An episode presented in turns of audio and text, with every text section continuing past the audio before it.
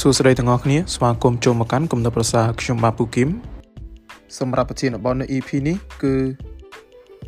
ក្រុមមនុស្ស95%នៅក្នុងសង្គមដែលខ្ញុំបានដកស្រង់ចេញពីសភៅពេលព្រឹកដ៏អស្ចារ្យដែលនិពន្ធឡើងដោយលោក Hal Elrod ជំហានទី2វែកមុខប្រភពដែលបង្កើតភាពតោកយ៉ាកលំបាកមនុស្សយើងគ្រប់គ្នាសុទ្ធតែចង់បានជីវិតដែលពោពេញទៅដោយសេរីភាព ងើបពីគេងហើយធ្វើអ្វីដែលខ្លួនឯងចង់ធ្វើពេលណាក៏បាននិងជាមួយអ្នកណាក៏បានប៉ុន្តែជីវិតប្រភេទនេះមិនមែនកើតឡើងដោយឯងឯងទេ គឺយើងត្រូវតែបង្កើតវាឡើងដូច្នេះដំបូងអ្នកគួរតែរកឲ្យឃើញនៅមូលហេតុចម្បង ដែលបណ្ដាលឲ្យមានភាពលំបាកសិនទើបអាចរារាំងកុំឲ្យវាចូលមកក្នុងជីវិតអ្នកបានដែលវាមានដូចជា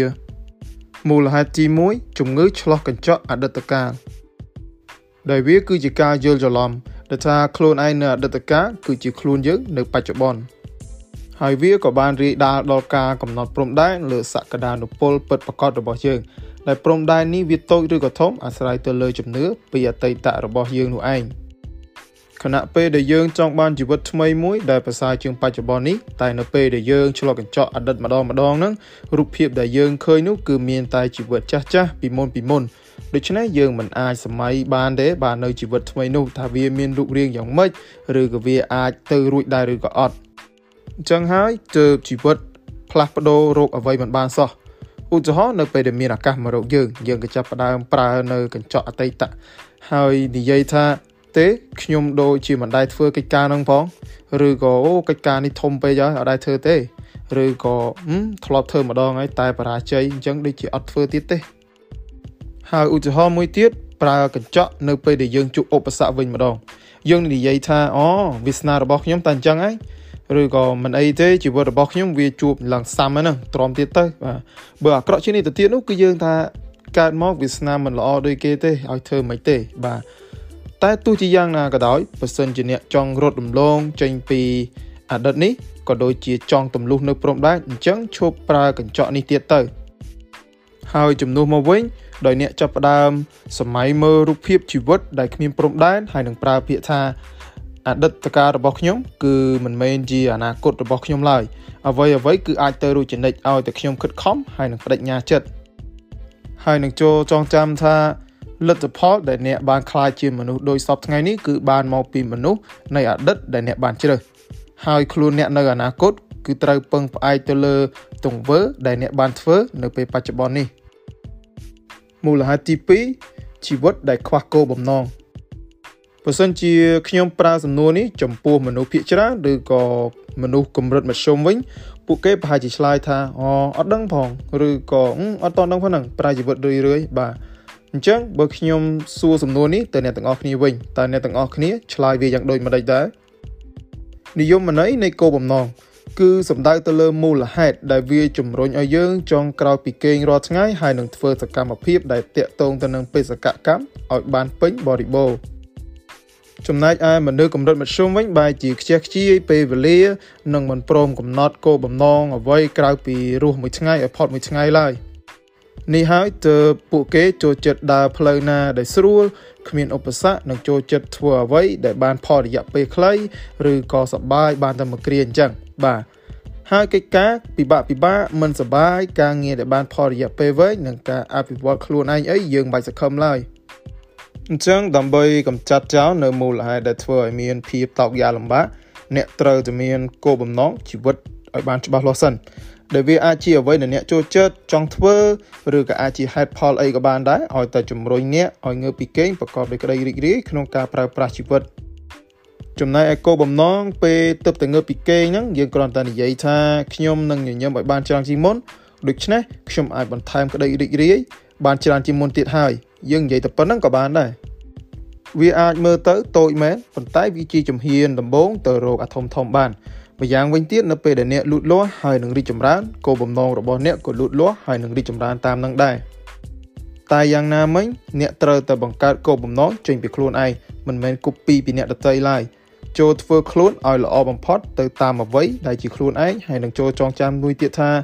នៅពេលដែលអ្នកបញ្ញាចិត្តធ្វើអ្វីដែលធំជាងខ្លួនឯងនោះបញ្ហារបស់អ្នកនឹងក្លាយជារឿងតូចហើយអ្នកនឹងអាចយកឈ្នះវាបានដោយស្រួលមូលហេតុទី3ផ្នត់គំនិតវាមិនអីទេ នៅពេលដែលយើងធ្វើខុសឬក៏ភ្លេចធ្វើយើងអាចយល់ថាការសម្រេចចិត្តនីមួយៗដែលយើងបានជ្រើសឬក៏ធ្វើហ្នឹងគឺវាជះឥទ្ធិពលមកលើយើង នៅក្នុងគណៈពេលនោះតែប៉ុណ្ណោះហើយបើអ្នកទាំងអស់គ្នាគិតថាវាសមហេតុផលឬក៏គិតអញ្ចឹងដែរអញ្ចឹងសូមបញ្ឈប់វាជាបន្ទាន់នេះគឺជាការយល់ច្រឡំដ៏ធ្ងន់ធ្ងរឧទាហរណ៍បែបងាយងាយយើងចង់អភិវឌ្ឍខ្លួនឯងដោយការអានសៀវភៅចន្លោះពីម៉ោង9កន្លះយប់ដល់ម៉ោង10កន្លះយប់ប៉ុន្តែចៃដន្យអីរឿងភាគថ្មីទឹកចេញអញ្ចឹងយើងប្រហែលជាគិតថាមើលមួយភាគឬក៏ពាក្យភាគអីបានហើយចាំយើងមកអានសៀវភៅវិញវាមិនអីទេប៉ុន្តែមើលរឿងភាគហ្នឹងវាចិត្តតែជក់រហូតដល់ម៉ោងមកដណ្ដប់យប់ឯណោះ ដែលវានាំហេតុឲ្យយើងមិនបានអានសៀវភៅហើយគេងលើសម៉ោងទៀតហើយយើងនឹងអាចគិតថែមទៀតថាមិនអីទេចាំស្អែកចាំមើលក៏បានអ្នកសម្រាប់ចិត្តធ្វើដូចនេះពីព្រោះថាអ្នកអាចយល់ថាស្អែកនេះក៏យើងអាចធ្វើវាសាដើមឡើងវិញបានដែរប៉ុន្តែការយល់ច្រឡំបែបនេះវានឹងអាចคล้ายទៅជាទម្លាប់អាក្រក់ដែលយើងមិនអាចប្រកែកបានរាល់គំនិតជំរឹះនិងសកម្មភាពតូចតូចនៅថ្ងៃនេះវានឹងអាចប៉ះពាល់យើង ដោយសារតែវាបានប្រមូលផ្ដុំคล้ายទៅជាបញ្ហាធំនៅថ្ងៃណាមួយជាមិនខានមនុស្សភាគច្រើនរើសការងារដែលស្រួលជាងការងារដែលត្រឹមត្រូវដែលក្នុងត្រឹមត្រូវនេះយើងសំដៅទៅលើការងារដែលពង្រឹងសមត្ថភាពរបស់យើងបាទដែលជាហេតុធ្វើឲ្យពួកគេមិនបានទៅណាសោះផ្ទុយមកវិញបើអ្នកចង់អភិវឌ្ឍខ្លួនឯងអ្នកត្រូវតែជ្រើសរើសការងារដែលត្រឹមត្រូវហើយនឹងបដិញ្ញាចិត្តថាទោះនៅថ្ងៃនេះគ្មានអារម្មណ៍តែចង់ធ្វើក៏ដោយយើងនៅតែធ្វើឧទាហរណ៍មួយទៀត អ្នកត្រូវងើបពីម៉ោង6ព្រឹកដើម្បីរត់ហាត់ប្រាណអញ្ចឹងយើងទៅដាក់ម៉ោងរោហើយនៅពេលដែលម៉ោង6ព្រឹកវារោឡើងយើងហាមគេបន្តហើយគិតថាវាមិនអីទេបាទយើងត្រូវដឹងពីមូលហេតុថាម៉េចបានយើងដាក់ម៉ោងរោឥឡូវនេះចូលងើបឡើងហើយនឹងរត់ហាត់ប្រាណដោយធ្វើការនិយាយប្រាប់ខ្លួនឯងថាខ្ញុំគឺជាមនុស្សមានវិន័យអ្នកដែលគ្មានវិន័យគឺជាមនុស្សអន់ខ្ញុំមិនមែនជាមនុស្សអន់ទេដូច្នេះសូមចងចាំថា ទោះជាការខ្លាចទៅជាមនុស្សបែបណា គឺវាសំខាន់ជាងកិច្ចការដែលអ្នកកំពុងធ្វើក៏ដោយប៉ុន្តែកិច្ចការដែលអ្នកកំពុងធ្វើ វាគឺជាកត្តាដែលកំណត់ថាតើអ្នកនឹងខ្លាចជាមនុស្សបែបណាមូលហេតុទី4ការខ្វះខាតទំនួលខុសត្រូវ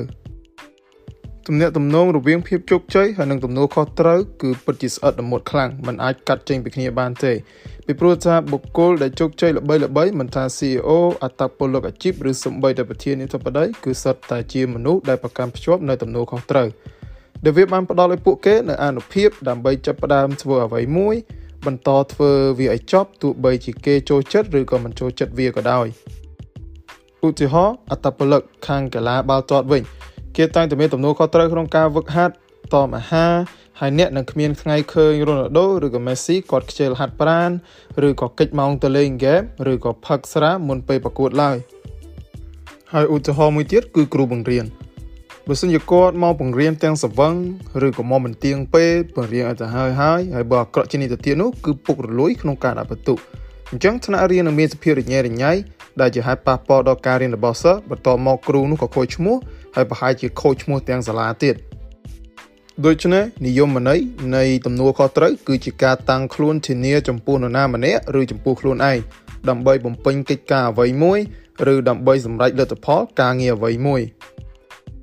ដែលវានាំមកឲ្យជីវិតរបស់យើងនៅសន្តាប់ធ្នាប់ឲ្យយើងរីកចម្រើនជាការលម្អហើយនឹងអាចសម្រេចលទ្ធផលបាន ប៉ុន្តែទំនួលខុសត្រូវគឺយើងមិនអាចខ្ចីឬក៏សុំពីគេបាននោះឡើយតែវាត្រូវបានបណ្ដុះនៅក្នុងខ្លួនបាទតាំងពីនៅក្មេងរហូតដល់បច្ចុប្បន្ននៅក្នុងរូបភាពមនុស្សចាស់ដាក់សម្ពាធលើយើងនេះឯងដែលនេះជាហេតុមនុស្ស95%ឬក៏មនុស្សភាគច្រើននៅពេលដែលឮពាក្យនេះហើយតែងតែមិនចូលចិត្តវាហើយឥឡូវនេះយើងធំធំមកហើយបើចង់សម្រេចកិច្ចការអ្វីមួយយើងត្រូវតែបង្កើតប្រព័ន្ធ ទំនួលខុសត្រូវថ្មី ដែលជាខ្លួនឯងដែលអាចរួមបញ្ចូលទាំងគ្រូបង្វឹកឬក៏អ្នកផ្ដល់យោបល់ខ្លះទៀតអាចជាមិត្តភ័ក្តិឬក៏ក្រុមគ្រួសារក៏ថាបាន